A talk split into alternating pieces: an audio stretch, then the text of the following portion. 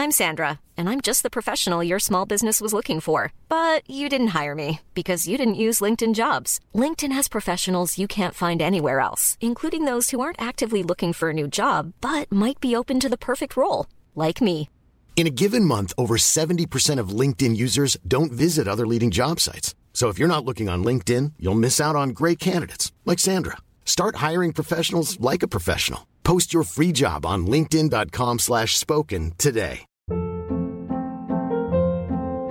Hold up. What was that? Boring. No flavor. That was as bad as those leftovers you ate all week. Kiki Palmer here, and it's time to say hello to something fresh and guilt-free. Hello Fresh. Jazz up dinner with pecan-crusted chicken or garlic butter shrimp scampi. Now that's music to my mouth. Hello Fresh. Let's get this dinner party started. Discover all the delicious possibilities at hellofresh.com. Ryan Reynolds here from Mint Mobile. With the price of just about everything going up during inflation, we thought we'd bring our prices down. So to help us, we brought in a reverse auctioneer, which is apparently a thing. Mint Mobile unlimited premium wireless. Ready to get 30, 30, bit to get 30, bit to get 20, 20, 20, bit to get 20, 20, bit to get 15, 15, 15, 15 just 15 bucks a month. So, Give it a try at mintmobile.com slash switch. $45 upfront for three months plus taxes and fees. Promo rate for new customers for limited time. Unlimited more than 40 gigabytes per month. Slows. Full terms at mintmobile.com.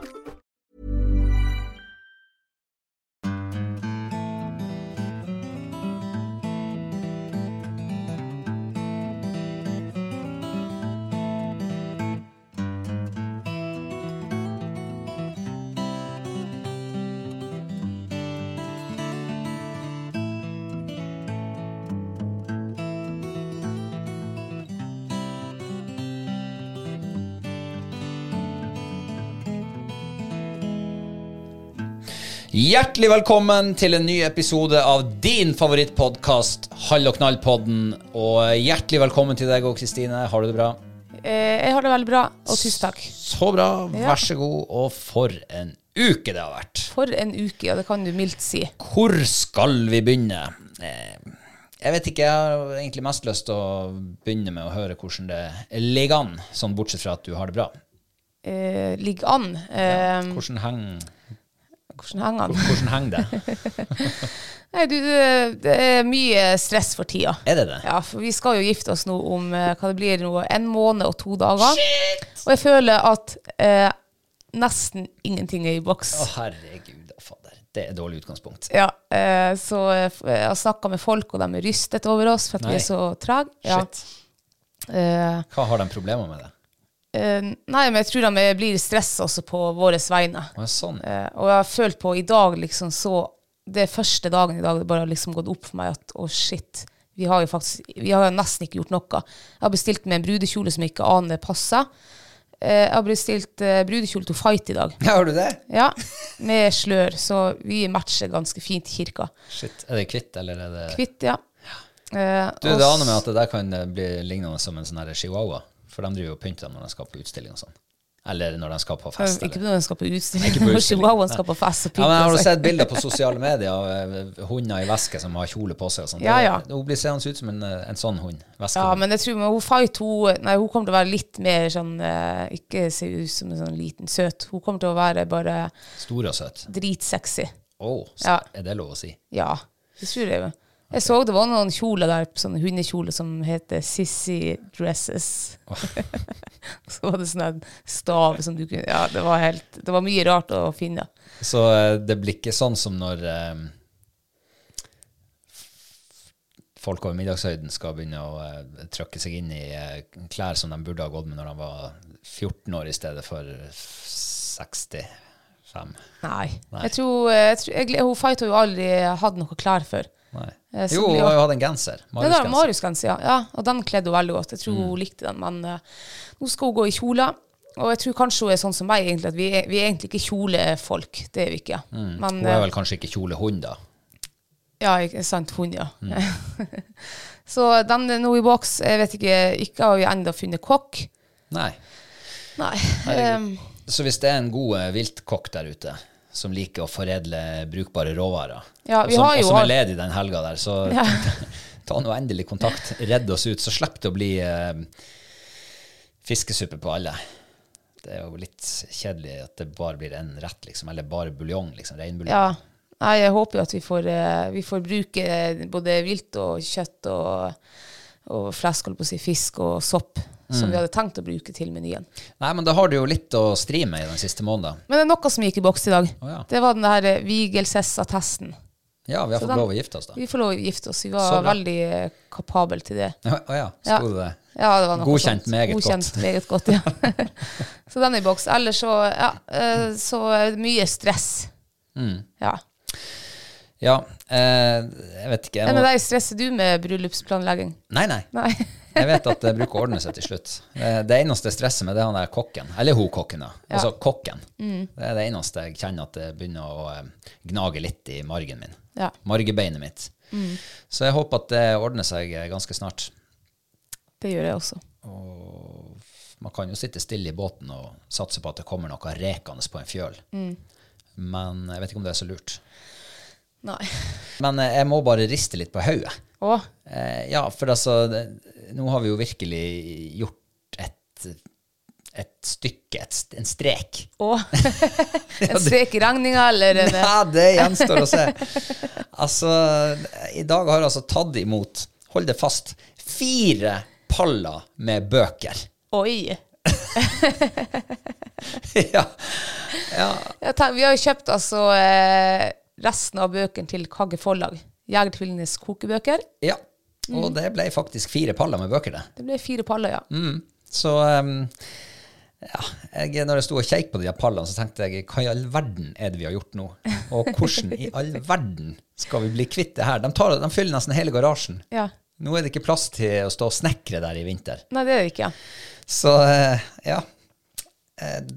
Blir vi stående på sånn der førjulsmarkedsstand eh, hver helg nå fram til julaften og selger kokebøker, eller hva du tror?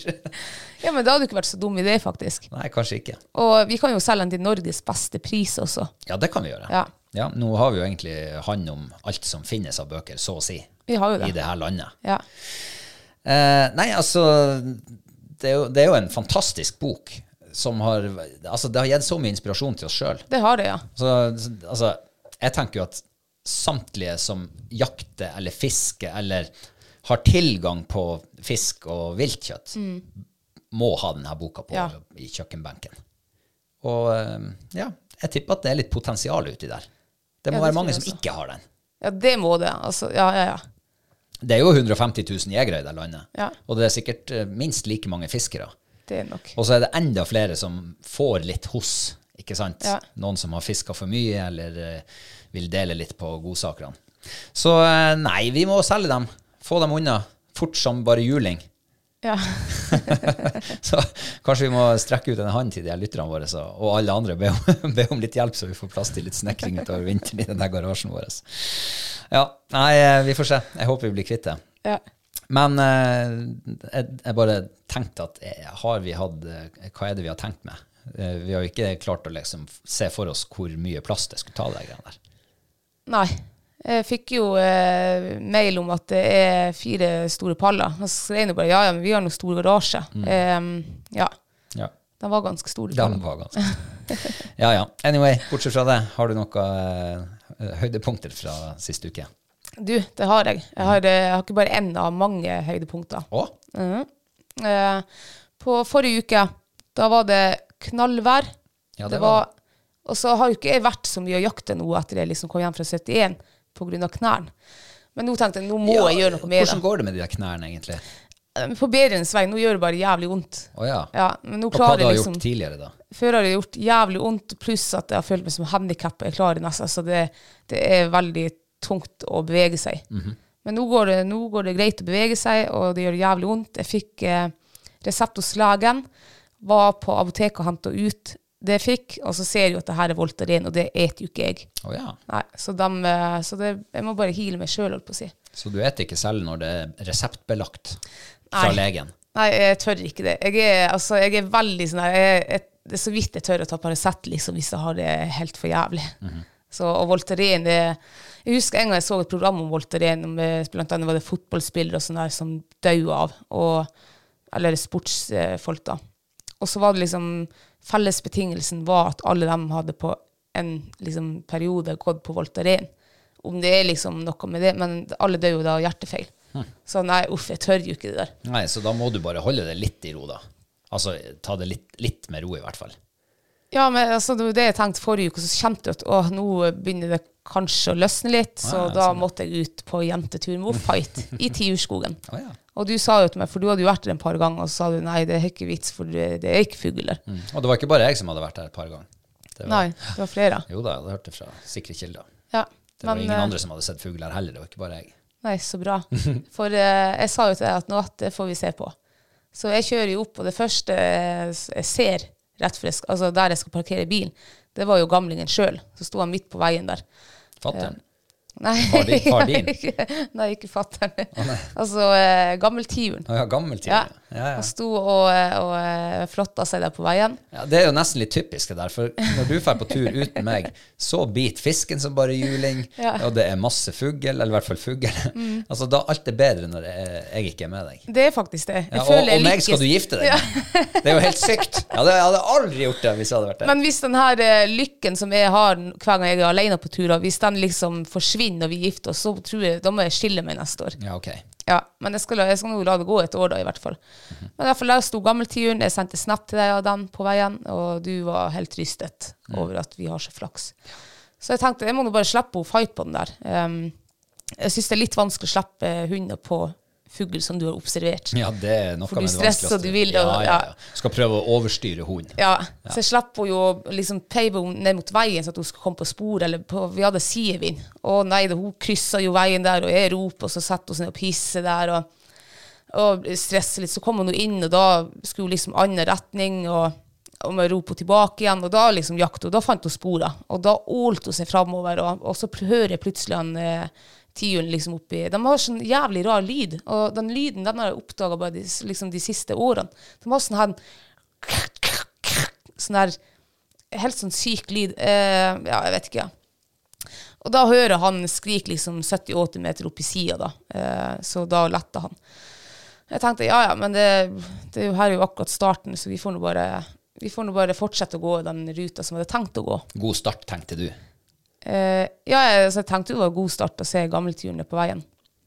Så vi går nå videre, og det var jo ingen action. Vi gikk kanskje en par timer. Eh, det var noen sterke markeringer, men det var liksom ikke noe annet enn det, der vi har brutal fugl. Så snur vi liksom og går ja, tilbake til bilen, egentlig.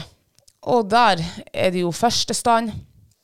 Kommer ikke til. Jeg hører bare en svær fugl, liksom, mest sannsynlig en tiur. Han bare letter Jeg var sikkert på, jeg var 80 meter ifra å fight. Og så hadde hun to korte stander til. Og så tenkte jeg uff, satan, hvor skjærer de i dag? Og så går vi jo ned der, og så der ser du, der hiver hun seg liksom eh, rett foran meg og begynner å åle seg. Og så går hun litt for, vekk fra synet, festestand. Og da, begynner, da er det en til tiur som sitter sånn her Eller Altså, det er helt sånn her syk lyd. Aldri hørt den før. Ja, og da kom hun nå egentlig på Jeg kom jo ikke på hold av tiden retta på 50 meter, så jeg lot være å skyte. Eh, fikk ropt henne fight liksom tilbake igjen. Så krysser hun bare meg, og så ser hun hun tar et annet spor, et nytt spor. Altså bare 150 meter fra der hun hadde stand. Og så begynner hun å gå opp en side der. Og jeg blir stående igjen, for jeg tenker at det kan godt hende at det er baksporet til den tiuren, hva vet jeg. Eh, og så fester hun stand 100 meter fra meg. Og så tenkte jeg jøss, og så var det jo å gå opp dit, da. Og når jeg er en ja, 25-30 meter fra fight, da hører jeg skrape litt igjen. Sånn Jeg skjønner ikke det der skrapelyden du snakker om, for at Nei, den, det- den lyden er ikke på de her han, eh, Nei, kvitre men du, du har hørt den før. Du, vi har hørt den i Sverige når vi har vært der. Oh, ja. Husker du ikke det? Nei. Det er sånn her, helt sånn den rar lyd. Jeg, kan ikke, jeg klarer ikke å få det til, den lyden sjøl. Er det noe av la orrfugl? Or, Nei. Mm -mm. Det er ikke den, liksom. Den der, nei, det er det ikke. Men uh, i hvert fall så kikker jeg opp, for jeg hører jo den skrapelyden, den er jo rett over øynene mine. Og der sitter altså tiuren. Tre meter opp i den nærmeste. Altså jeg sitter seriøst og kikker rett opp på den, og så hiver han seg ut. Og jeg hiver hagla etter, skyter ett bomskudd på kanskje syv meter, og så får jeg jo ikke avtrekk på skudd nummer to, som antageligvis hadde vært en mye bedre skuddsjanse. Herregud. Og er forbanna. Fight eh, jo, har jo litt sånn eh, for høy tro på meg, så hun var jo på tur liksom ut og se sånn i apportsøk. Eh, jeg bare fortalte at det der er ikke vits, men jeg tenkte vi skal nå gå etter, bare sånn for sikkerhets skyld. Og vi gikk nå en fire-fem meter den retninga, ingen tiur. Snudde vi, gikk tilbake, og der er det ny stand. ehm, 60-70 meter ifra meg. Nei. Jeg kommer opp, jeg kommer helt opp til fight. Og da tenkte jeg denne tiden må ha forn, for jeg sto side om side med henne. Og da begynner hun å gå på. Og jeg, vi går kanskje 20 meter. Der letter tiuren. Rett foran oss. Jeg skyter ett skudd. Da fløy han på sida, bom. Og så kommer han rett imot meg. Altså seriøst, rett. Hadde jeg løfta på handa mi, så han krasja i handa. Og så skyter jo et tilskudd. Da fikk jeg avtrekk, faktisk. Eh, bomskudd på kanskje da faen, fem meters hold. Jeg skjønner hvorfor jeg skyter så ah, jeg Vet du hva, jeg er så eh, buff. Ja, ja, men, eh, men det der har du jo snakka om eh, mange ganger før, og lenge, lenge, lenge, lenge, det der med at du føler at du har mista selvtillit når det kommer til skyting pga. den hagla der. Ja, Ja. Jeg, jeg, jeg får ikke til noe. Jeg bare skyter. Jeg skyter liksom før hagla treffer eh, Ja, det tror ikke jeg er hagla sin skyld. Det må jo være noe Nei, det er min skyld sikkert også. Jeg Ja, ja. stresser. Ja, ja. Og tenkte fy faen, og vi gikk nå i den retninga Men som du, ja. du må jo sende en takk til han lytteren som kontakta deg med tips om det. ja, men der, der kommer jeg til. Jeg oh, ja, kommer kommer dit ennå. det. Ja, ok. Ja, sorry. Jeg skal ikke Eh. forebegri forebegripe begivenhetene. Nei, på det her tidspunktet så uh, har jeg ennå ikke bytta løpsvelger. Uh, så fortsetter vi, og så er det faen meg ny stand. Altså, er det mulig? opp, jeg kommer opp til henne fight, og jeg ser henne fight opp for meg, og der letter tiuren. Og eh, han letter på, han letter rett mot sola, så får sola liksom imot meg, så jeg mister jo egentlig tiuren, men jeg skyter nå, jeg vet ikke hvorfor jeg skyter, bomskudd. Du var vel stressa da? Jeg, altså, jeg blir jo så stressa når jeg går i, i skogen og fight, for det er, det er altså høy puls fra jeg slipper henne til vi kommer ned til bilen. Men altså, på det her tidspunktet så må du jo begynne å gå tom for ammo, for du har jo skutt en del. Nei, nå har jeg bare skutt, skal jeg skutt, fire skudd har jeg skutt. Ok. Ja. Eh, Så vi hadde jo eh, syv eh, stander den dagen. Jeg så fem tiurer og hørte en. Ja. Altså, det er helt sykt. ja, det var, det var ganske rått. Ganske rå dag, selv om jeg liksom følte meg som verdens mest mislykka jeger. Eh, I den forstand at jeg klarer jo ikke altså jeg, er- jeg, åh, jeg har bare lyst til å grave meg ned under jorda, liksom. Jeg skjønner godt. Jeg hadde sikkert følt det samme. Ja. så det, så, men eh, så hvis du nå ser bort fra all den bomskytinga, så er det faktisk eh, Det er ganske lenge siden jeg hadde en så rå dag på i skogen her hjemme i, på kjente trakter. Ja, og det som er så sykt, det er jo at der har jeg gått Jeg har vært to runder der. Mm. Eh, blant annet på bursdagen til Fight. Og hatt én markering. Ja. Altså én sånn skikkelig markering. Hvor hun har brukt mye tid i et Mm. lite område og, og gått att og fram og inn og ut og opp og ned. That's it. Ja. Det er det nærmeste vi har vært fugl. Og så kommer du der eh, noen få uker etterpå, og så koker det ja. med fugl. Men det jeg tror, for det var uh, fire av de tiurene, de lagde denne skrapelyden. Altså tror, og den har jeg hørt i Sverige også. Jeg tror det kan være ung fugl, altså ung tiur, som, har, eh, som ikke har kommet i stemmeskiftet ennå. Ja, men Hvilken lyd har eh, voksentiuren, da? Ja, det er sikkert samme Jeg vet ikke. Ja, nei, men det der er jo litt uh, interessant, fordi at um, Nå skal jeg bare se om jeg finner den der. For at, nå- Men det er en sånn slags varslingslyd, da vil jeg tippe at det er. For han merker jo meg og hun, og da lager han- denne den her Det er, sånn- altså det er sånn her Det er en skrapelyd. Kan det sammenlignes med et fat og så en gaffel, liksom? Noe sånt. Altså det er ja, Første gang jeg hørte det i Sverige for noen år siden, da jeg trodde jo ikke det var tiur, men så gikk det jo opp for oss da at det var, det var tiuren som lagde den lyden der. Men hvis jeg kan prøve å bare få Jeg kan prøve å spille av den lyden som du alltid hører Ja. Mm. på sånn her når du skal høre på storfuglelyd. Skal vi se.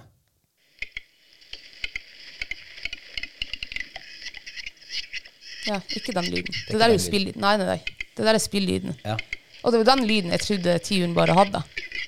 At den ikke hadde noen andre lyder. ja. Men det er jo ikke den der lyden.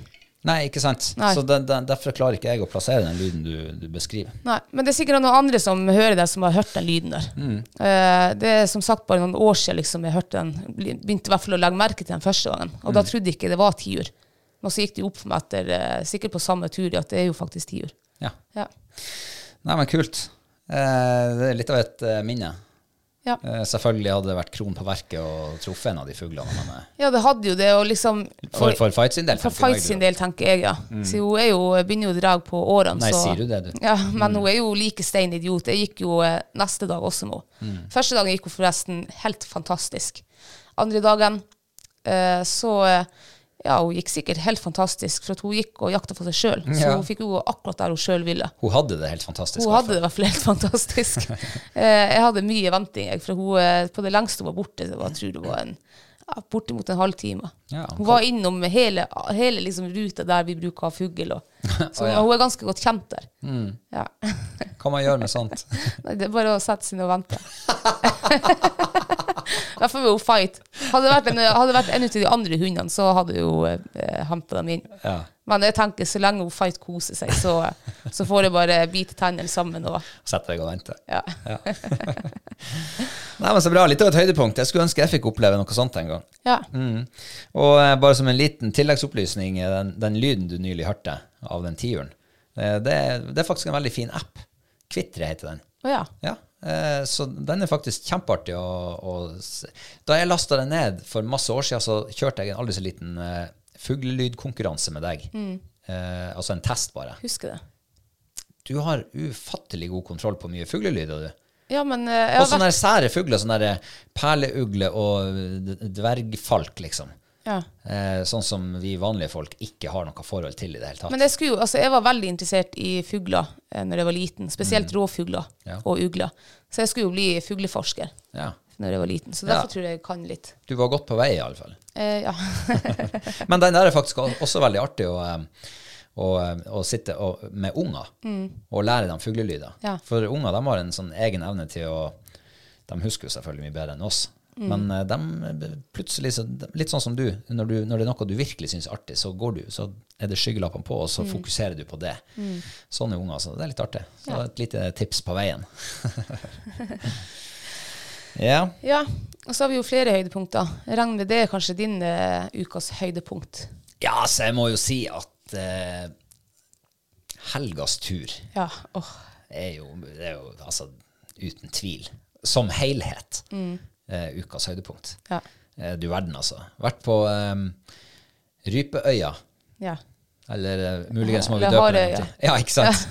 Mulig vi må døpe den om til Harøya nå, for det, det er jo i hvert fall like mye hare som det er rype der ute. Ja.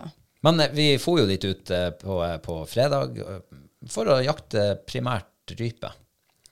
Eh, og, og selvfølgelig ja, Vi tenkte vi skulle få oss en liten svipp inn i hareskogen også. Eh, men eh, du verden, altså.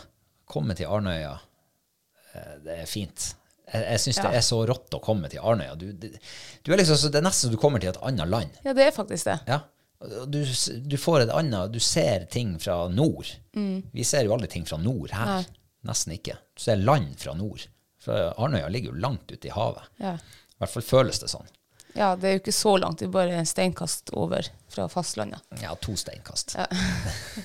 en rein svømmerlengde er det. Ja, ikke sant? Ja. Ja. Men jeg, uff, jeg elsker Arnøya. Jeg har brukt Arnøya siden jeg fikk meg fuglehund. Mm. Eh, Så jeg er, blitt veld, jeg er veldig glad i den øya der. Ja. Jeg er også blitt veldig glad i den. Ja.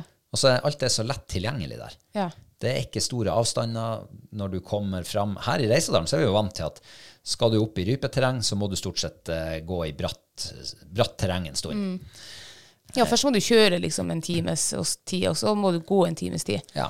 Der eh, er det bare å gå rett ifra bilen. 50 meter utfor veien, liksom, for der har du lov å begynne jakta. Mm. Ja. Så det er ganske sykt. Ja, det er sprøtt. Og eh, Nei, jeg får sånn god uh, avslappa følelse av å være på Arnøya. Og um, vi fikk jo leid oss et gammelt hus Ja. og inn- innlosjert oss der, og liksom ligger midt imellom alle de populære jaktterrengene. Skulle man fa- fare til Årvik eller til Akkarvik eller til Arnøyhamn, så er det liksom bare ja, maks ti minutter å kjøre, liksom. Supernært. Altså sentralt. ja, veldig sentralt. akk så øde. Ja. det er nesten ikke gatelys der ute. Nei, eh, det, det var fabelaktig. Altså, og lørdagen så, så meldte det jo knallvær, mm. og det var det jo. Ja. Eh, Det blåste på toppene. ja, det var ganske mye vind, var det. Det var ikke særlig varmt i skyggen. Nei, det var det ikke. Eh, Sola varmer faktisk litt her oppe ennå. Ja, det gjør den absolutt. Så du, du merker det ikke før du kommer ut av skyggen, Ja. når du har gått der en stund. Eh, men det er så fint å komme. Du er, du er, liksom, du er i høyfjellsterreng når du er på 100 høydemeter. Og nesten mindre òg. Ja. Eh, det er helt spesielt. ja, det er det. Og vi har jo hørt gode, gode rapporter der ute fra om at det skulle være OK pluss med fugl. Så vi hadde jo litt forventninger til, eh, til rypejakt på lørdag. Ja. Men eh, det fineste med lørdagen var nå vel egentlig å gå og trø i fjellet. Og, for det var ikke så fryktelig mye fugl, fugl å se. Eller vi så jo litt, da, det gjorde vi jo for så vidt, men Ja, nå tror jeg du har glemt eh, siste halvdelen av lørdagen. Det syns jeg var det fineste. Eller i hvert fall det råeste. ja, ja, ja, det er sant. Ja. Men det var veldig fint, ja. Det var um, Ja, jeg hadde i hvert fall veldig høye forventninger sånn til dagen. For at jeg hørte jo eh, at det var mer enn OK pluss med fugl. Jeg hørte jo at det spruta med fugl. Flere oh, hundrevis liksom på en dagstur. og eh, ja, i hvert fall sprut i forhold til det- vi er vant med her oppe i Reisedalen. For her er- spruter det ikke akkurat. Um, så det var litt sånn eh, Vi hadde ikke så mye fugl på vingene. Vi kan jo si det sånn at vi hadde i hvert fall like mange harer på føttene som vi hadde fugler på vingene Ja, den dagen. sant. Ja, vi anslo vel sånn ca. 50 ryper på vingene. Ja. Eh, og eh, null rype i sekken. Null rype i sekken. Ja, vi hadde muligheter da. Og vi hadde nok med muligheter, det hadde vi. Men det var litt artig faktisk å gå i der du hadde fine kull. Du gikk fra, fra kull til kull, egentlig. Mm. Ja, det var artig Det var veldig lite Jeg vet ikke om vi hadde enkeltfugl her i det hele tatt. Jeg tror vi hadde Tre fugler var vel kanskje det minste vi så i, Mm. i en liten gjeng. Eh, ellers så var det jo fine kull. Syv-åtte og mer fugler. Mm. Og vi så jo en ordentlig stor gjeng med antageligvis fjellrype. Mm. Hvor mange var det der? 20? 20 kanskje, ja. Ja. Ja. Så det er godt å se at, eh, at det fortsatt er bra med rype på enkelte plasser. Og nå gikk jo vi bare på en, en altså, veldig lite område. ja. Eh, det var der vi gikk liksom eh, før lunsj. Og så var jo eh, planen da at vi skulle gå med hunden en annen plass etter lunsj. Men eh, den ble jo eh, endret.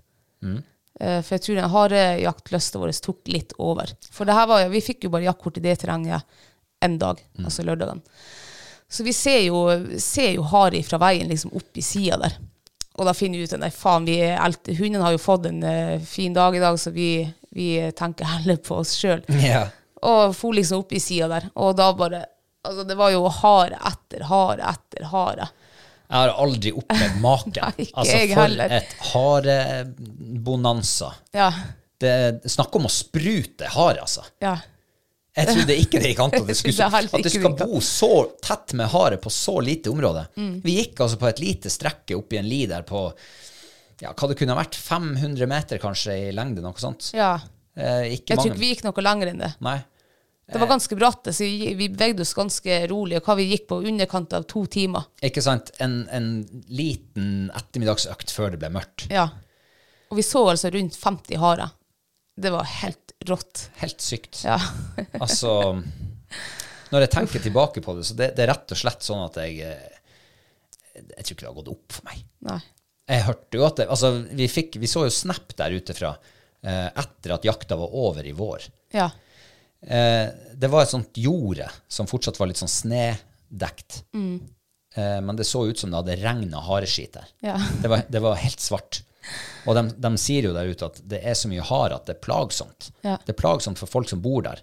Det går ikke an å dyrke noe i hagen. Alt blir spist opp. Ja. Mm. Busken blir spist opp, og blomstene og eh, jordbærplantene. Alt blir spist opp. Mm. De bor under verandaen til folk. Ja. Altså, de, de oppfordrer folk til å jakte hare også. De hadde faktisk søkt skadefelling på hare der i, i fjor vår. Da, da skjønner man hvordan det står til. Ja. ja det, er, altså, det er Texas der ute med harer. Um, Og så er jo haren blitt hvit her oppe nå. ja. Så du ser han jo så ekstremt godt. Du ser han jækla godt, ja. Men eh, også, også virker det som han trykker så godt over mange ganger. ja. Særlig sånn på ettermiddagen. På ettermiddagen, ja. Ja. Så eh, lesson learned eh, fra denne helga er jo at eh, skal du jakte hare for å få, få, få i fryseren, så lønner det seg å gå på ettermiddagen. Ja, Det tror jeg. det tror jeg også. De virker litt mer sånn skvetten på, på morgenen. Og så var det mer sånn i bevegelse også på ettermiddagen. For jeg så når, når vi gikk den, de to timene der på så var det flere ganger så hare, og de liksom, det var ikke sånn de skjønte at det var i området. Men de satt og åt, så de brydde seg egentlig ikke så veldig mye om meg. Um, ja. Nei, eh, jeg kan jo si det som så at um, en sekk med noen harer oppi, den er veldig tung. Den er veldig tung. Og i hvert fall når du går og klyver i gaupeterreng. ja. Altså, på enkelte områder så var det så bratt at det, det var nesten så du måtte holde det fast med ene hånda og skyte med andre hånda. Jeg tipper sekken min på slutten eh, der jeg tror, Den må jo ha veid 14 kilo. Ja. Eh, Det var faktisk ganske tungt å gå med den sekken i så bratt terreng. Ja, og altså sekken var det, var det var blitt så mye i sekken at det var liksom bikka over det der kilogrensa på at nå føler du at nå er det bly i sekken. Ja. Ja. Nei, det var, det var sykt. Eh, Jeg hadde nok aldri skutt så mye hare der ute hvis de ikke hadde oppfordra oss til å gjøre det. Nei. Eh, Men vi møtte altså på ordføreren der ute etterpå, når vi kom tilbake til bilen. Og han var så glad for at vi hadde jakta hare der og skutt, skutt litt. Men det altså, tenk, vi går på kanskje, vi går eh, i luftlinje 500-600 meter, og en ja, hva vi var på, 150 høydemeter på det høyeste. Eh, det er jo helt sykt at det er liksom Der inni levde det 50 hare som vi så. Tenk alle de harene vi ikke så, for vi hadde ikke så veldig god sånn her eh, oversikt i den bratt terrenget. Jeg hadde kanskje 10 meters sikt oppover, så hadde jeg 30 meters sikt framover. Ja, det var jo tett- rimelig tett Det var skog veldig her, var det. tett, var det enkle plasser. Ja. Så det, jeg tror det, altså det må jo være helt insane med hare der ute. Ja, tenk på det. Vi har gått på en liten brøkdel av bare det terrenget vi hadde jaktkort på. Ja. Hva tror du hvis man hadde Hvis man virkelig hadde vært ute og jakta på ettermiddagen? Det, ja, man forstår ikke hvordan det er. Nei, man gjør ikke det. Jeg så jo bare når vi starta den morgenen og jakta med hundene, så var det jo fight først. Eh, hun fight, hun, altså Før vi rekker oss til fjellfoten, som kanskje var 400 meter eh, vekk fra bilen, så hadde hun fight hadde allerede fire harejaginger. Eh, og jeg vet ikke hvor mange har vi sikkert gått, heller hun har gått forbi, da. Så det er helt sprøtt, altså. Ja. Og oppe på fjellet òg, faktisk, var det hare. Ja. Ja. Nei, det, det er sprøtt. Og ja, hvis man liker harejakt, så må man jo bare ta turen ut dit. Ja, hvis du er nysgjerrig på harejakt, så må du også ta turen. For harejakt, altså, det, var, det er så artig, er det. Og så er jo harekjøtt noe av det beste som finnes Ja. av vilt. Herregud, det er godt. Ja, det, man kan ikke si gode ting mange ganger nok. Nei. Eh, Så til alle dem som ikke har prøvd harekjøtt, Prøv. ja, det, det må bare prøves. Og så fikk vi jo et nytt tips om eh, hvordan du kan eh, bruke Vi bruker jo sadelen, det er jo den vi steiker. Resten bruker vi å koke kraft på. Ja. Eh, og du verden for en god kraft det blir av det. Ja, verdens hare, beste kraft. Ja. Eh, men kollegaen din han kom jo med et tips om, om harelår. Ja, han sa vi burde speke det. Så det skal prøves. Det har jeg aldri gjort før. Jeg har kun speka storfugl og rype. Og, ja. Så eh, s- ha, noen harelår skal gå i eh, salt eh, ja. Men det skulle spekes, altså spikkes og så tørkes, Ja. så det blir liksom snacks. Tørrkjøtt. Ja, tørrkjøtt, ja. Akkurat. Ja, altså, ja, why not? Jeg tenker hvor fint. Det blir jo som en lita sånn fenalår, liksom. Men eh, sånn uh, turfenalår, da. Ja, Eller turharde fenalår. fenalår for gramjegere. Ikke sant, ja? Ja. Tenk hvor fin det bare å ha med i sekken og så kniven med seg. ja. Ja, dæven. Ja, det, det, skal, det gleder jeg meg til å smake på. Ja. Nei, eh, vi skal vel ut på flere harejakter der ute. Det skal vi. Jeg har det jo eh, jeg har allerede sjekka litt sånn værmelding og sånn til helga. Ja, det melder vel bare regn og skit. Ja, men det kan være godt uh, harejakt. Det kan være. Og skitvær er jo verst når du sitter inne og kikker på det. Ikke sant? Når du kommer deg ut og blitt vant til Så er det ikke så verst. Nei, ikke sant. Det er ikke det. Ehm, nei, men eh, det er jo noe annet som jeg tenker på eh, etter denne helga her. Og det er Jeg nevnte det jo så vidt, men det å komme inn i det der gamle huset. Eh, pakke ut, fylle masse god mat og drikke i kjøleskapet. Sette seg ned i godstolen. Eh, det var jo enda lyst når vi kom på fredag, Ja. men liksom solnedgang Ja, herregud, det var fint. sitte og kikke ut gjennom stuevinduet, ta seg en kald en, og liksom bare se fargene forandre seg fra minutt til minutt. Silhuetten på fjellene blir skarpere og skarpere ettersom lyset endrer seg. Eh, og du har liksom Det var nesten sånn at idet vi kjørte av ferga, så var liksom alt sånn hverdagsstress var borte. Og, og igjen satt du bare med en sånn der god hytteturfølelse.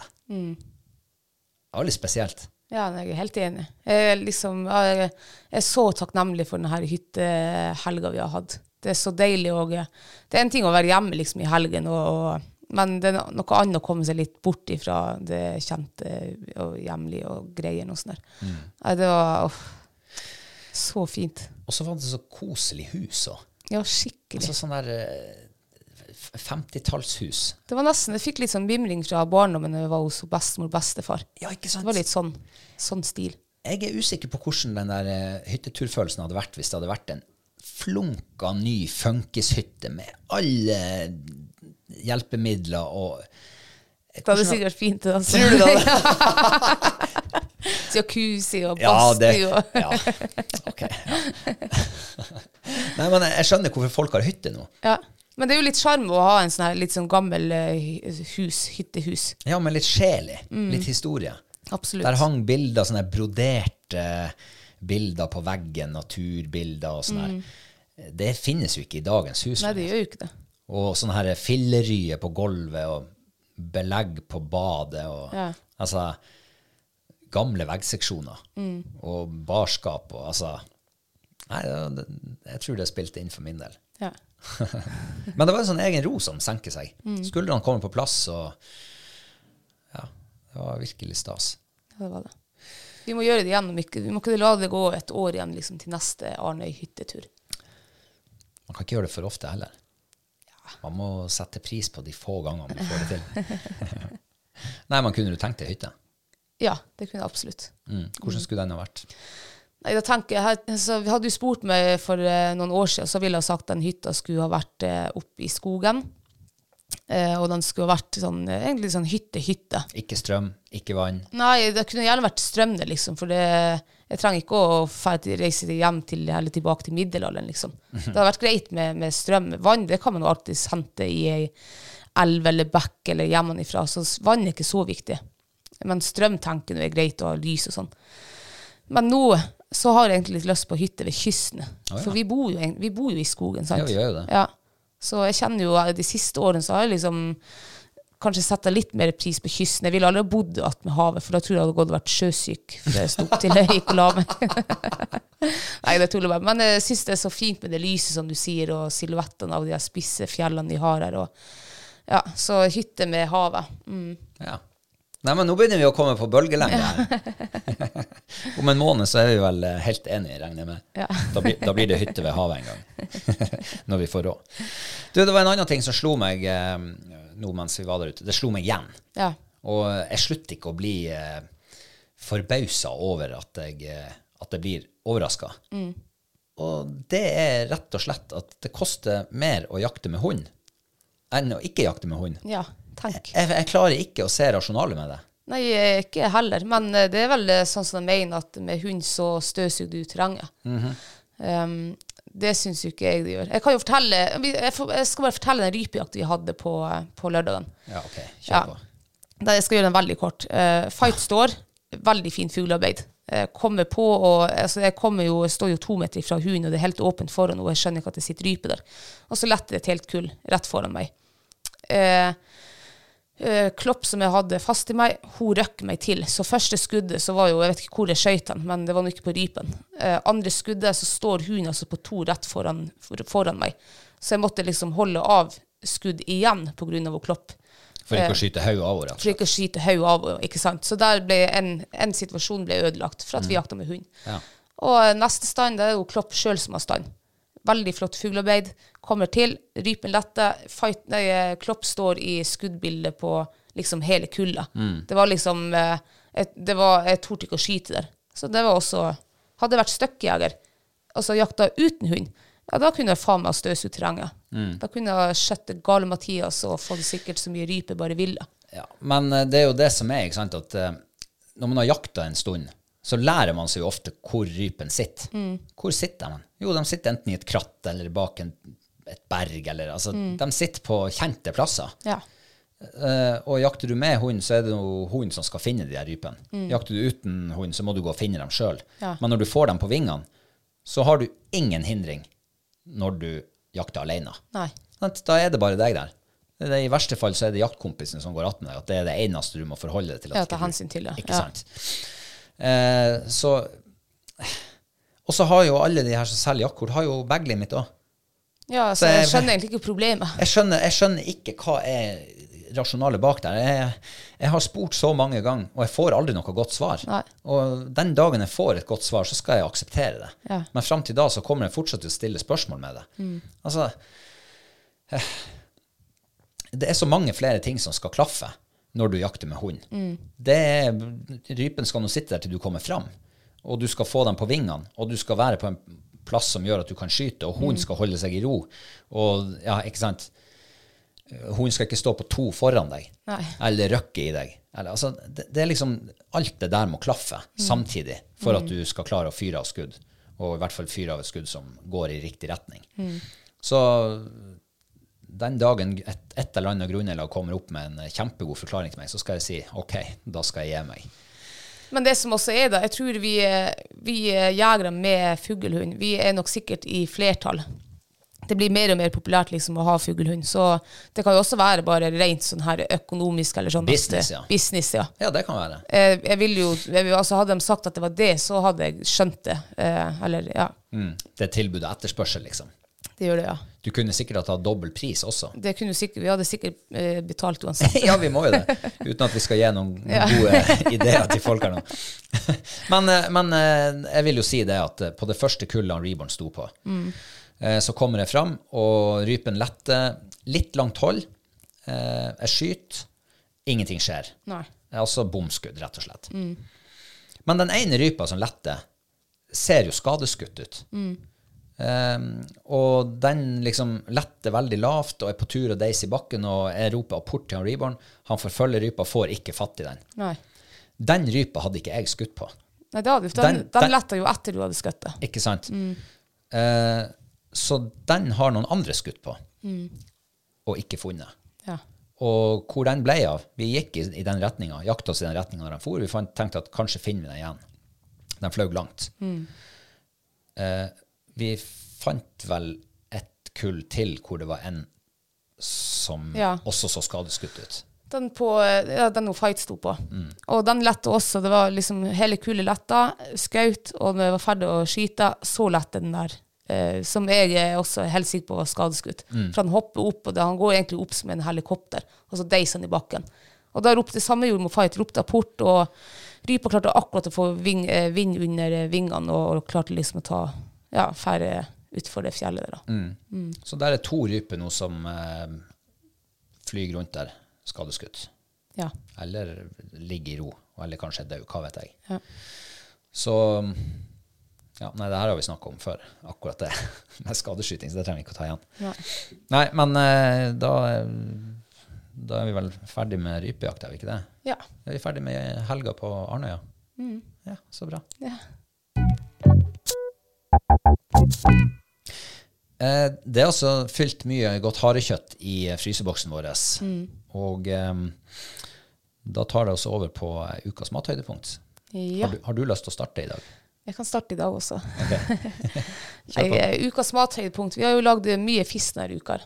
Eh, og um, en rett som jeg liksom har gått og tenkt på nå i hele sommer, det er bacalao. Det er så lenge siden jeg har spist det. Ja. Så må, vi måtte jo lage bacalao. Mm. Og den jeg ble ganske god, gjorde den. Så det må jo være mitt eh, mathøydepunkt. ja. Ja. Det var ikke noe spesielt med den, det var det ikke, men det var bare veldig godt. Vanlig bacalao-god. Ja. Ja. Men det er jo noe med det når, du, når det går litt stund mellom hver gang Mm. man spiser det. Så, ja, det blir et lite høydepunkt uansett. Ja. Så lenge det ikke blir fullstendig mislykka. Nei, det gjorde du ikke. Men bacalao det kan jo ikke bli ordentlig mislykka. Ja, og det kan ja. Vi har lagd en par uh, mislykka bacalao. Ja, se der. Hvor En lagde vi eh, sånn her olivenbacalao fra oppskrift eh, fra din bror. Ja, sånn eh, hvit bacalao. Og den var jo ikke etende. Vi det er måtte, jeg tror vi måtte hente en pizza fra fryseren hvis det er ett eller jeg husker ikke. hende. Den gikk i hvert fall i søpla. Og så lagde vi en gang eh, bacalao eh, av eh, fisk som ikke var ferdig utvanna. Og den var altså så salt at det var jeg tror det var en skje, og så holdt det å spy. Man kan ødelegge bacalao. Det kan man gå absolutt, ordentlig galt. Ja. Takk for at du minte meg på det. Men det jeg syns var høydepunktet akkurat med den bacalaoen der, det var at uh, den sto klar, rykende fersk og venta på meg når jeg kom fra jobb den Mm. dagen. Det var så stas. Jeg, synes, jeg setter så pris på det. Ja. Å bli servert mat av og til uten at jeg trenger å løfte en lillefinger sjøl. Nei, ikke det stas? Ja, det er skikkelig stas. Mm. Så eh, tusen takk for det, altså. Vær så god, baby. Det var en terningkast fire for min del. Ja, fire fra meg også. Ja. Jeg har, altså vi har jo eh, gjenopptatt flyndregarnfiskeriene våre. Ja. For eh, alle drevne flyndrefiskere de sier jo at flyndre er best på, eh, på høsten. På høsten, ja. Ja, da er den feitest, da. oktober. Ja, ikke sant? Og så er det en grunn for at vi eh, må ha litt eh, mer flyndre. Mm. Eh, for det skal jo være hovedretten i bryllupet. Hvis vi får kokk. Eh, det skal i hvert fall være en rett. Hvis Nei, vi får- eh, altså forrett, mener jeg. Mm. Ja. Så mulig vi trenger litt mer. Jeg vil jo innbille meg at vi har ganske greit med flyndre i fryseren, men jeg har ikke telt over. Så det kan godt hende vi trenger litt til. Og da er det jo greit å være på den sikre sida. Um, så vi har hatt flyndregarn to dager eh, i forrige uke. Dag én ingenting. Jo. Ja, det var en flyndre. Ja, vi skulle ha flyndre den, den dagen til middag. Ja. Men uh, den var så liten, den flyndra, så vi tenkte at det her er ikke mat for to. Nei. Så da ble det noe annet. Men dagen etter så drar jeg opp eh, flyndregarnet. Da var jeg faktisk alene. Det var litt spennende å være alene. Litt mer pjesk å trekke garn alene, det skal jeg si. Men eh, opp av havet så kommer det altså en skate. Ja. Har du sett? Jeg trodde ikke det var skate her nordpå. Jeg trodde ikke heller. Jeg har aldri sett skate i levende livet. Nei. Og eh, fikk den om bord. Eh, jeg husker bare på at han der eh, Crocodile Hunter, han der fyren Darwin et eller annet, eller hva han heter. han døde av en sånn skate som Ja. stakk han i hjertet. Nei, Darwin. Ja, det stemmer det. Ja. Ja, men eh, når, jeg, jeg lurer på en ting. Når du ser han kommer opp altså, med garna, så du med en gang at det var en skate? Eller Mm. Eh. tenkte du at det var en flyndre med hale eller et eller annet? Nei, nei, jeg har aldri sett flyndre med, med hale. Nei, du skjønte det var Jeg skjønte skate? at det var en skate. Ja, okay. Men jeg ante jo ikke om skate var giftig, om de var spisende. Eh, Jeg, kunne, jeg kan ingenting om skate. Nei. Kunne ingenting om skate. Så jeg tok han løs, og han var i live. Heiv han i stampen og fylte litt sjøvann oppi. Så tenkte jeg at eh, jeg skal nå la han ligge der til jeg er ferdig å trekke garn, og så skal jeg finne ut av er det spisende der. Og han lå der og sprella og plaska litt, og, eh, og garnet var fortsatt like tomt. Ingen flyndre. Ingen flyndre. Én skate. Ja. Et kjapt Google-søk visste jo at skate skulle være en delikatesse. Eh, med en helt særegen smak. Ja. Blanding mellom skalldyr, skjell eh, Ja, jeg vet ikke hva. Men det var en sånn god miks av. Og med en uh, særegen struktur. ja. Så da ble den med hjem. Jeg må bare si at det er vanskelig å blugge en sånn der. For uh, det er ingen synlige gjeller. Nei. Så jeg måtte nå stikke rundt der der jeg regna med at det kanskje var gjeller. Og jeg fikk blod ut av han. Så sånn var det. Men det var litt artig, det der. Artig prosess. Få han på kjøkkenbenken, lære seg hvordan man skulle filetere han. Og det er jo de der vingene du spiser. ja. Så jeg fant et, eh, en film på YouTube, fileterte den, drog av skinnet og googla litt. Og ba om hjelp fra våre følgere på sosiale medier. Fikk masse gode, eh, masse gode tips. Eh, Fikk eh, sågar også tips fra han Hellstrøm. ja tank. tank. han svarte sånn, en sånn som meg. Eh, Så den tok vi med oss til Arnøya og lagde på fredagskvelden. Eh, Med rotgrønnsaker bakt i eh, ovn. Eh, Stekt i smør, klarna smør med mm, hva det heter, kapers Ja. oppi og hvitløk. Og, og hva mer var det? Var det sånn hollainsaus, eller hva det heter. Hollainer Nei, hollandersaus. Hollainersaus. Jeg husker ikke. Ja. Jeg har hørt om den før, jeg har aldri smakt den. Hollandesaus. Hollandesaus. Ja. Hollendersaus. Men den sausen, den var også, jeg var så skeptisk når du eh, tok den fram når jeg spurte om eh, ingrediensene på den. Mm. For det var jo bare sånn vann, eddik og smør, liksom. Jeg tenkte det kan jo umulig bli noe godt. Mm. Men den var altså så god, av den. Og den passa så Den fabelaktig så godt, ja. Mm. til den der fisken. Jeg har, jeg har aldri smakt hollandesaus før, som jeg kan huske. Jeg innbilte meg at det var bearnéssaus uten uh, sånn der uh, Estragon, ja. Ja. Men det var det jo ikke. Det var det ikke, nei. Det her var jo helt annen saus. Ja. Ofte så, enten så tar sausen litt overhånd, for den blir for kraftig, Mm. for mye smak, eller så passer den ikke helt i lag. Mm. Men den her spilte en sånn der perfekt andrefiolin. Altså den Mm. liksom fremheva den fiskesmaken. Og den fisken, jeg vil jo si at det smakte ikke det det sto i bøkene at det skulle gjøre. Eller på internett. Det var ikke, jeg syns ikke det var den der skalldyrreke Ja, jeg, vet du hva, jeg, jeg syns den minner meg litt om kongekrabbe, kongekrabbe. Ja. Synes jeg. ja, for konsistensen var litt sånn kongekrabbeaktig, Ja, syns jeg. det var litt sånn med de bruskene du måtte liksom smøre av det der kjøttet fra. Mm. Ja, det, var, det minner meg faktisk om kongekrabbe. Eh, Det er ukas mathøydepunkt for min del. Ja, det skjønner jeg. Det var, det var ikke dumt. Det var spennende, var det. Mm. Så eh, hvis jeg får skate flere ganger, så skal jeg prøve å lage det igjen. Ja. Eh, han Hellstrøm han eh, anbefalte for øvrig å dampe den, trekk, trekke den i vann. Heil. Grønnsaksbuljong, var det ikke det? Grønnsaksbuljong, ja. Ja. Heil, og så pelle av skinnet og kjøttet til slutt. Ja. Eh, Men da hadde vi jo allerede tatt bort skinnet.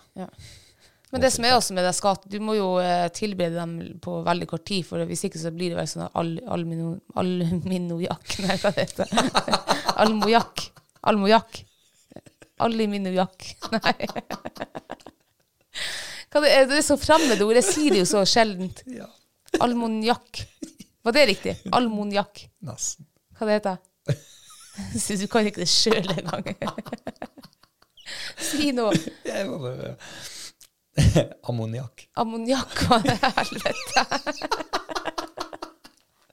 Du skjønner hva jeg Ja, jeg vet jo hva det er. Men kan ikke sikkert alle de andre vet det. Nei, så derfor skinnet, for det er skinnet som lager denne almoniakken. anyway. Den smaken. ja, den smaken. ja. Ja. ja, det er sant. Den kan ikke ligge for lenge. Nei. Nei. Man måtte vel filetere den ganske umiddelbart. Ja. Altså nokså umiddelbart. Rett etter døden, liksom. Ja. Ja. ja. Uh, så ja, det er noe å, legge til. Eh, nei. Vi har fått en ny Patreon som vi skal ønske velkommen til oss. Det har vi, ja. Og um, vi har jo vår lille gjettekonkurranse. Ja. Hvor stillinga er to og et halvt poeng til deg og et halvt poeng til meg. ja. Gratulerer med en eh, ja, fin andreplass. Ja. Um, og i den forbindelse så um, Ja, jeg trenger poeng, Ja. for å si det forsiktig. Eh, og i dag så har vi fått eh, en ny Patreon som eh, jeg tipper det skal være mulig å få poeng på. Ja, det er fullt mulig, i hvert fall for din del, eller i hvert fall for oss begge våre del. For det er jo eh, min kjære svigerfar, altså din far, han har blitt Patreon. Ja. Ja. Er det bare å dele ut poeng med en gang, eller? For at, eh, ja, hvis, ja. ikke hvis jeg nå kjenner deg, og du har ikke har løyet meg om, om eh, hvor du er fra, og alt sånt der, så eh, vil jeg jo tippe at eh, faren din er fra Storvik. Ja. Det, jeg, jeg sier det samme. Du sier det samme, ja. Så da gikk altså stille. Jeg klarer ikke å ta inn på deg, skjønner du. Nei. Da er det altså tre og et halvt poeng til deg. Og, Yes. Men jeg er oppe i ett og et halvt poeng! Yes! Tre og et halvt poeng har jeg aldri hatt før. Men eh, vi har jo han Lars fra forrige gang, Ja. Eh, hvor du gjetta at han var ifra Senja, Senja, ja. og jeg gjetta at han var ifra Berkåk. Ja. Og han mener jo at det skal bli poeng på meg. Og ja, var han fra Berkåk? Eh, han var fra Trøndelag. Ja, Trønd, men det er jo stort. Eh, ja, Ja. det er sant. Litt lenger nord, sier han. Ja. Eh, ja, Lierne. Ja, det kan jeg bare fortelle med en gang at det er ikke innafor.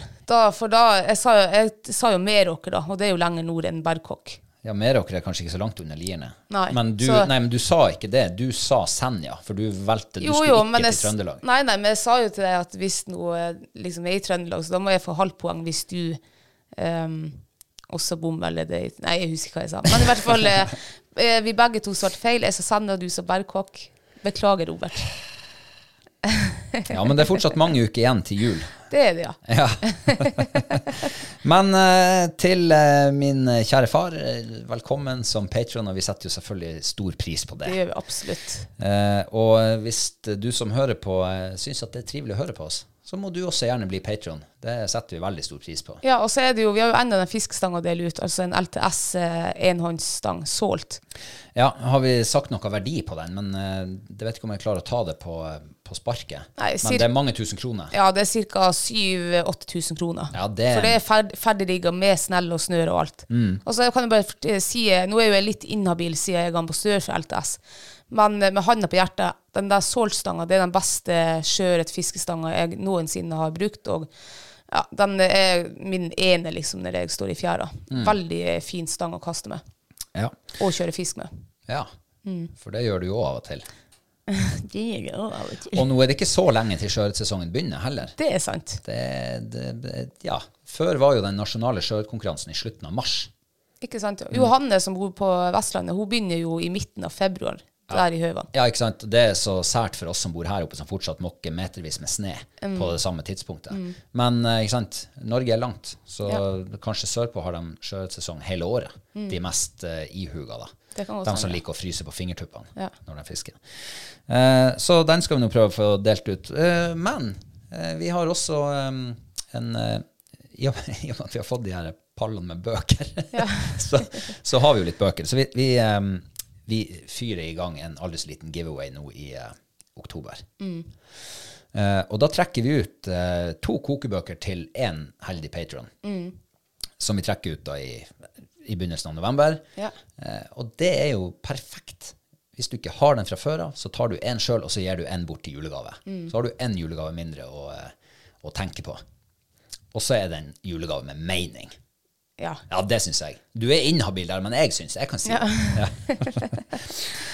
uh, ja. Ellers noe mer å legge til? Eh, Nei.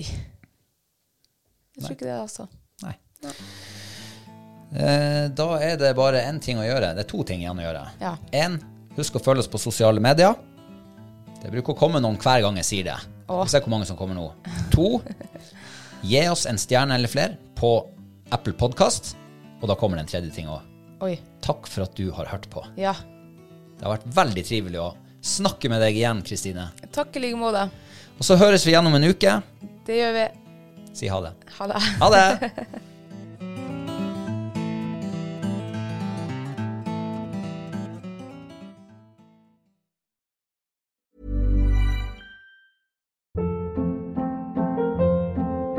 Hold up. What was that? Boring. No flavor. That was as bad as those leftovers you ate all week. Kiki Palmer here, and it's time to say hello to something fresh and guilt-free. Hello Fresh. Jazz up dinner with pecan-crusted chicken or garlic butter shrimp scampi. Now that's music to my mouth. Hello Fresh. Let's get this dinner party started. Discover all the delicious possibilities at hellofresh.com. Hi, this is Kristen.